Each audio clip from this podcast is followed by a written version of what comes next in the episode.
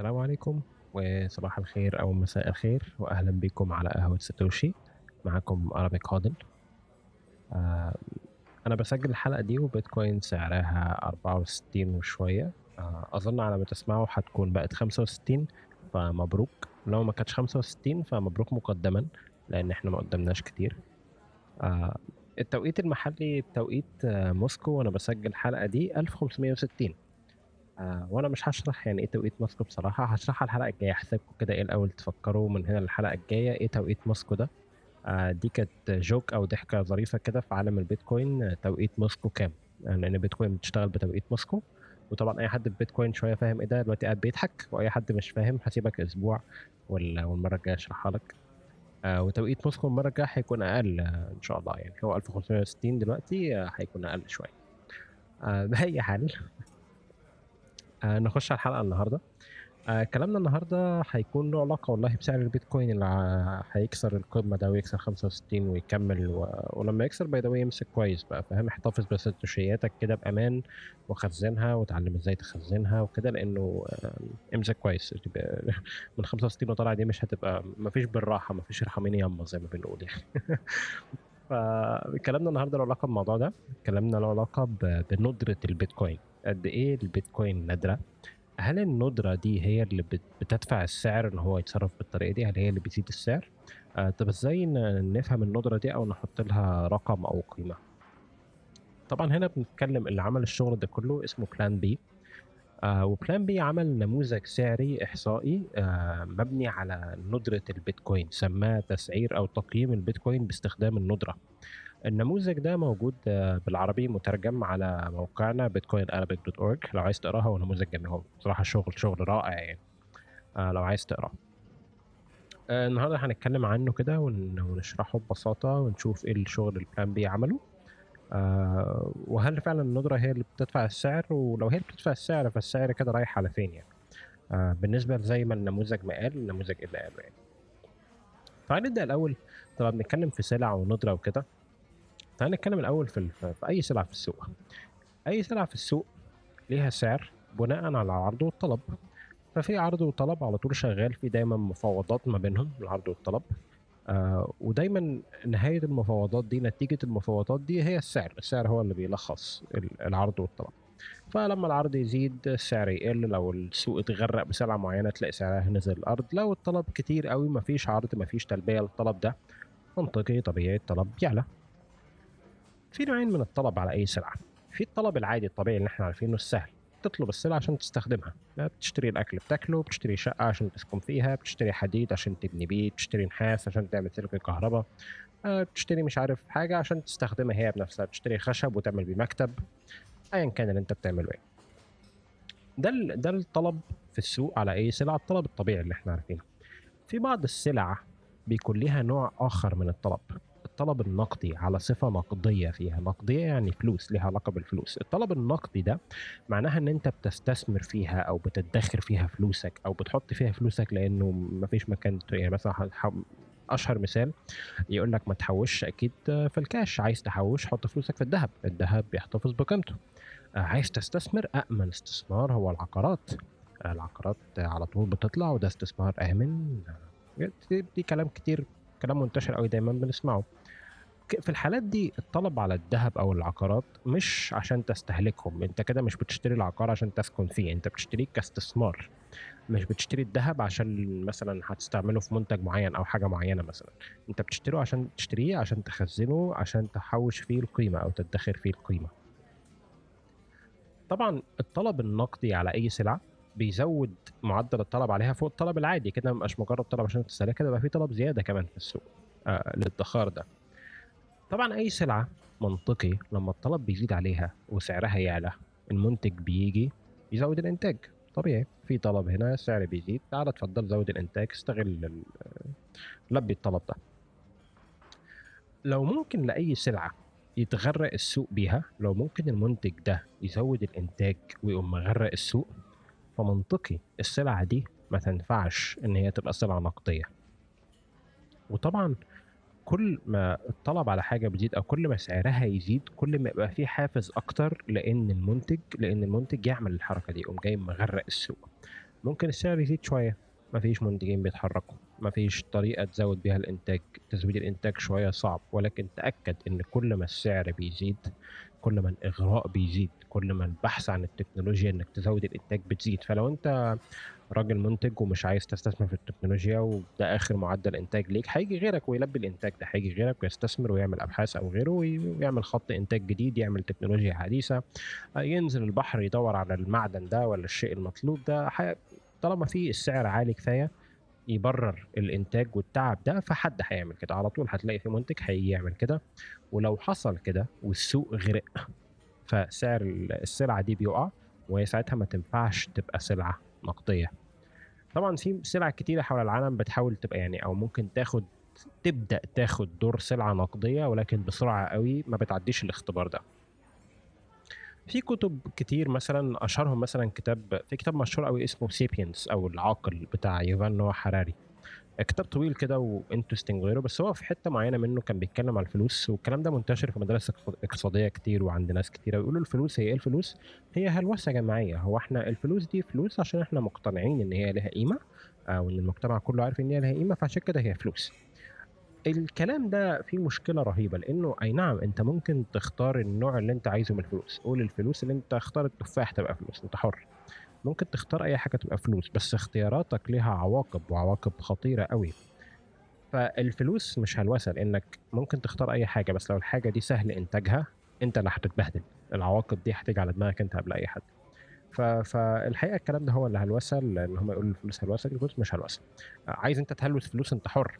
بس طبعا افتكر دايما إن في أو عايز المجتمع يهلوس فلوس برضه المجتمع حر بس طبعا افتكر دايما إن في عواقب. آه ولو مجتمع هلوس مثلا فلوس معينة حتى لو صعب عليه يعني مثلا في عبر التاريخ مجتمعات معينة ممكن تاخد نوع معين من السلعة. آه قواقع مثلا آه حاجة إزاز مثلا خرز الإزاز ده مثلا في أفريقيا. السلعة دي بالنسبة للمجتمعات دي كانت سلعة صعبة. صعبة الإنتاج مثلا لو أنت في مجتمع في الصحراء صعب تلاقي قواقع وكانت القواقع تلاقيها ممكن تبقى عملة في المجتمعات اللي زي دي. بس أول ما يجي لك حد من بره وبيستعمل وبالنسبه له العملة دي سهلة انتهيت. أنت كده الاقتصاد بتاعك انتهى. فدايما العملة عشان تبقى عملة عشان تدخر القيمة فيها لازم يكون إنتاجها صعب وإلا أي حد عنده القدرة إن هو ينتجها هيجيبك الأرض هيبهدلك على طول يعني.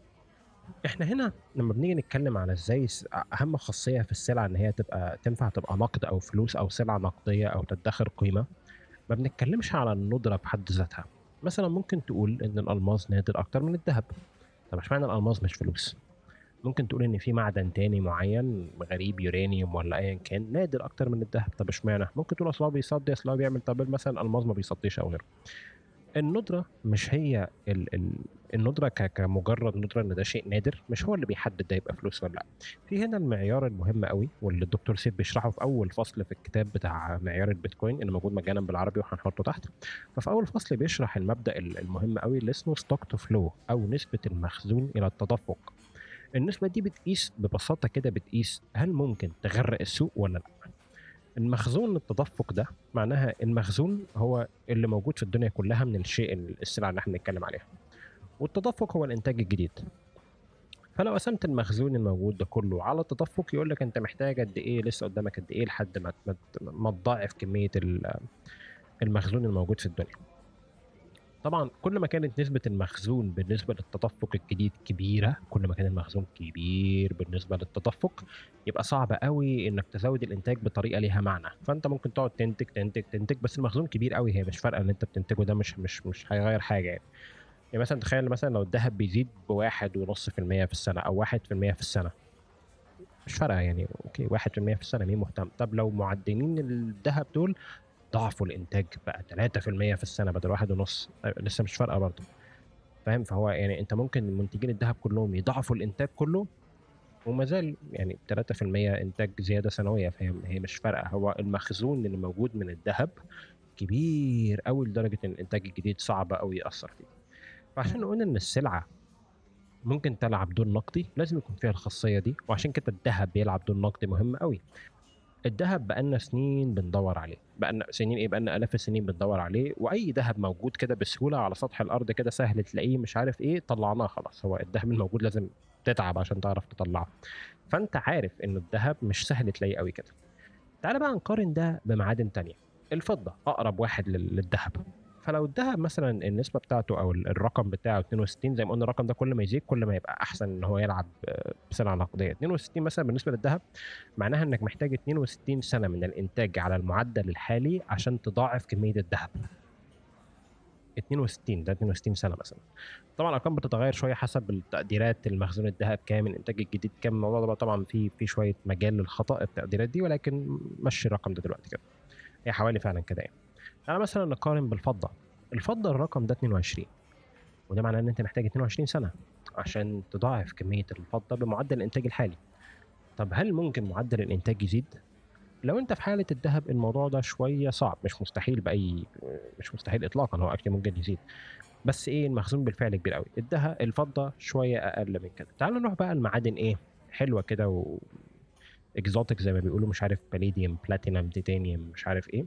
المعادن دي نسبة تدفق المخزون بتاعتها سنة أو أقل واحد أو أقل. في مثلا في مش عارف التيتانيوم ولا إيه 0.4 فاللي هو أنت بتتكلم في أقل من ست شهور أنت ضاعفت كمية المعدن ده في الدنيا. فلما تضاعف الكمية السعر ينزل بس خلاص. يعني أول ما الطلب بيزيد على ده أول ما تقول إن التيتانيوم هو الفلوس أنا هخزن قيمة الفلوس بتاعتي في التيتانيوم. لو ناس كتيرة أو المجتمع عمل كده وسعر التيتانيوم عالي كفاية وبرر إن إن المنتج يزود إنتاجه فبسهولة المنتج يقوم جايبه الأرض تاني. ده الفخ. الفخ إن إن إن معدن يفلت من الفخ ده هو موضوع صعب قوي فأتمنى إن سو نكون واضحين إزاي تفكر في الندرة لما تقول إن السلعة دي تنفع تبقى سلعة نقدية أو لأ؟ سواء ذهب بيوت ألماس غيره أو كده. أنت كده عارف إزاي بتفكر فيها يعني. تعال من هنا نتنقل على البيتكوين. البيتكوين هي نادره قد إيه نادره في 21 مليون coin بس. بس ده ده كل المعروض ده كل المعروض اللي هيبقى في الدنيا.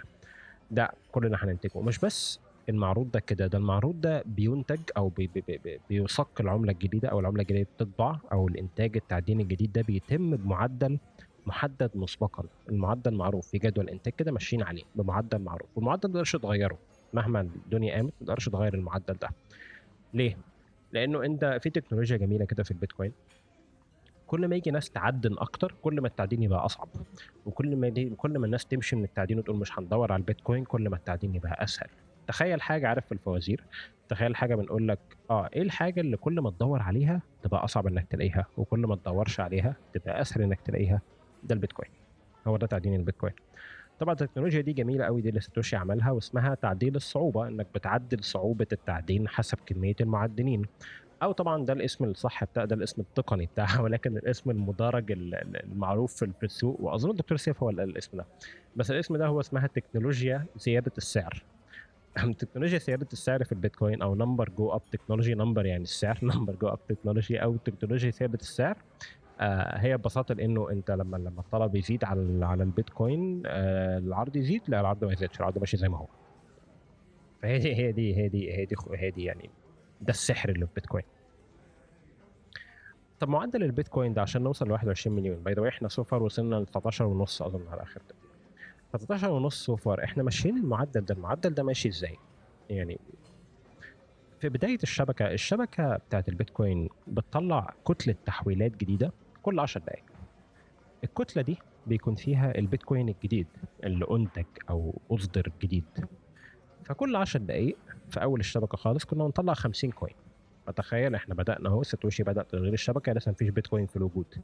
أول 10 دقايق 50 بيتكوين تاني 10 دقايق أدي 50 تانية 50 50 مع كل block 50 جديدة بعد مرور 210 ألف block وده حوالي أربع سنين يعني ال block في 10 دقايق 210 ألف block في أربع سنين ممكن تحسبها لو أنت مهتم يعني.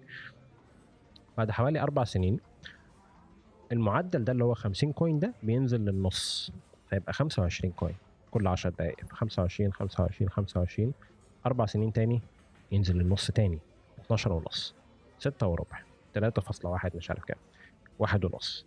تقريبا يعني مش الحساب بالظبط. بس كل كل أربع سنين أو كل 210 ألف بلوك وتشيز حوالي أربع سنين المعدل ده بينزل للنص معدل الإنتاج. ده معناه إيه؟ لما تيجي تفكر من نسبة المخزون التدفق التدفق بيقل للنص. أي إن نسبة المخزون التدفق بتزيد للضعف أي إن الإنتاج الجديد يعني ده معناه إن الإنتاج الجديد يبقى أكتر وأكتر ملوش أهمية بالنسبة للمخزون الكبير الموجود ما يأثرش فيه. نسبة الإنتاج الجديدة بتزود المخزون بنسبة صغيرة بحيث إنه ما فيش الكمية دي ما بتزيدش. ده لما تبص في السعر تلاقي إن السعر بيزيد دايما بعد التنصيف ده. عملية إن أنت تقلل إنتاج العملة للنص ده في بيتكوين اسمه التنصيف والتنصيف ده حدث كل أربع سنين وهتلاقي كل مكتب مع البيتكوين بيستناه ويحتفلوا والتنصيف جه وبنعتبره عيد كل أربع سنين يعني. وبعديها على طول بتلاقي السعر على طول اتضاعف وعالي جدا. إن إحنا في مثلا دلوقتي آخر تنصيف كان 2020 السنة اللي فاتت وإحنا هو بص السعر وصل أهو من كام لل... إحنا النهارده 60 هو ولا 64 دلوقتي ولا كام. ولكن هل دي صدفة ولا العلاقة دي في هنا علاقة إحصائية أو شيء تنتبه ليه يعني؟ ده الشغل اللي Plan B عمله. Plan B جمع كل البيانات من ساعة ما بيتكوين طلع لها سعر. وقعد يقارنها من المخزون التدفق نسبة المخزون التدفق بتاعة بيتكوين والسعر ماشي إزاي. النموذج بيقول إن هي هتمشي بطريقة معينة هو حط هي مشيت إزاي وقعد يقارن الاتنين ببعض.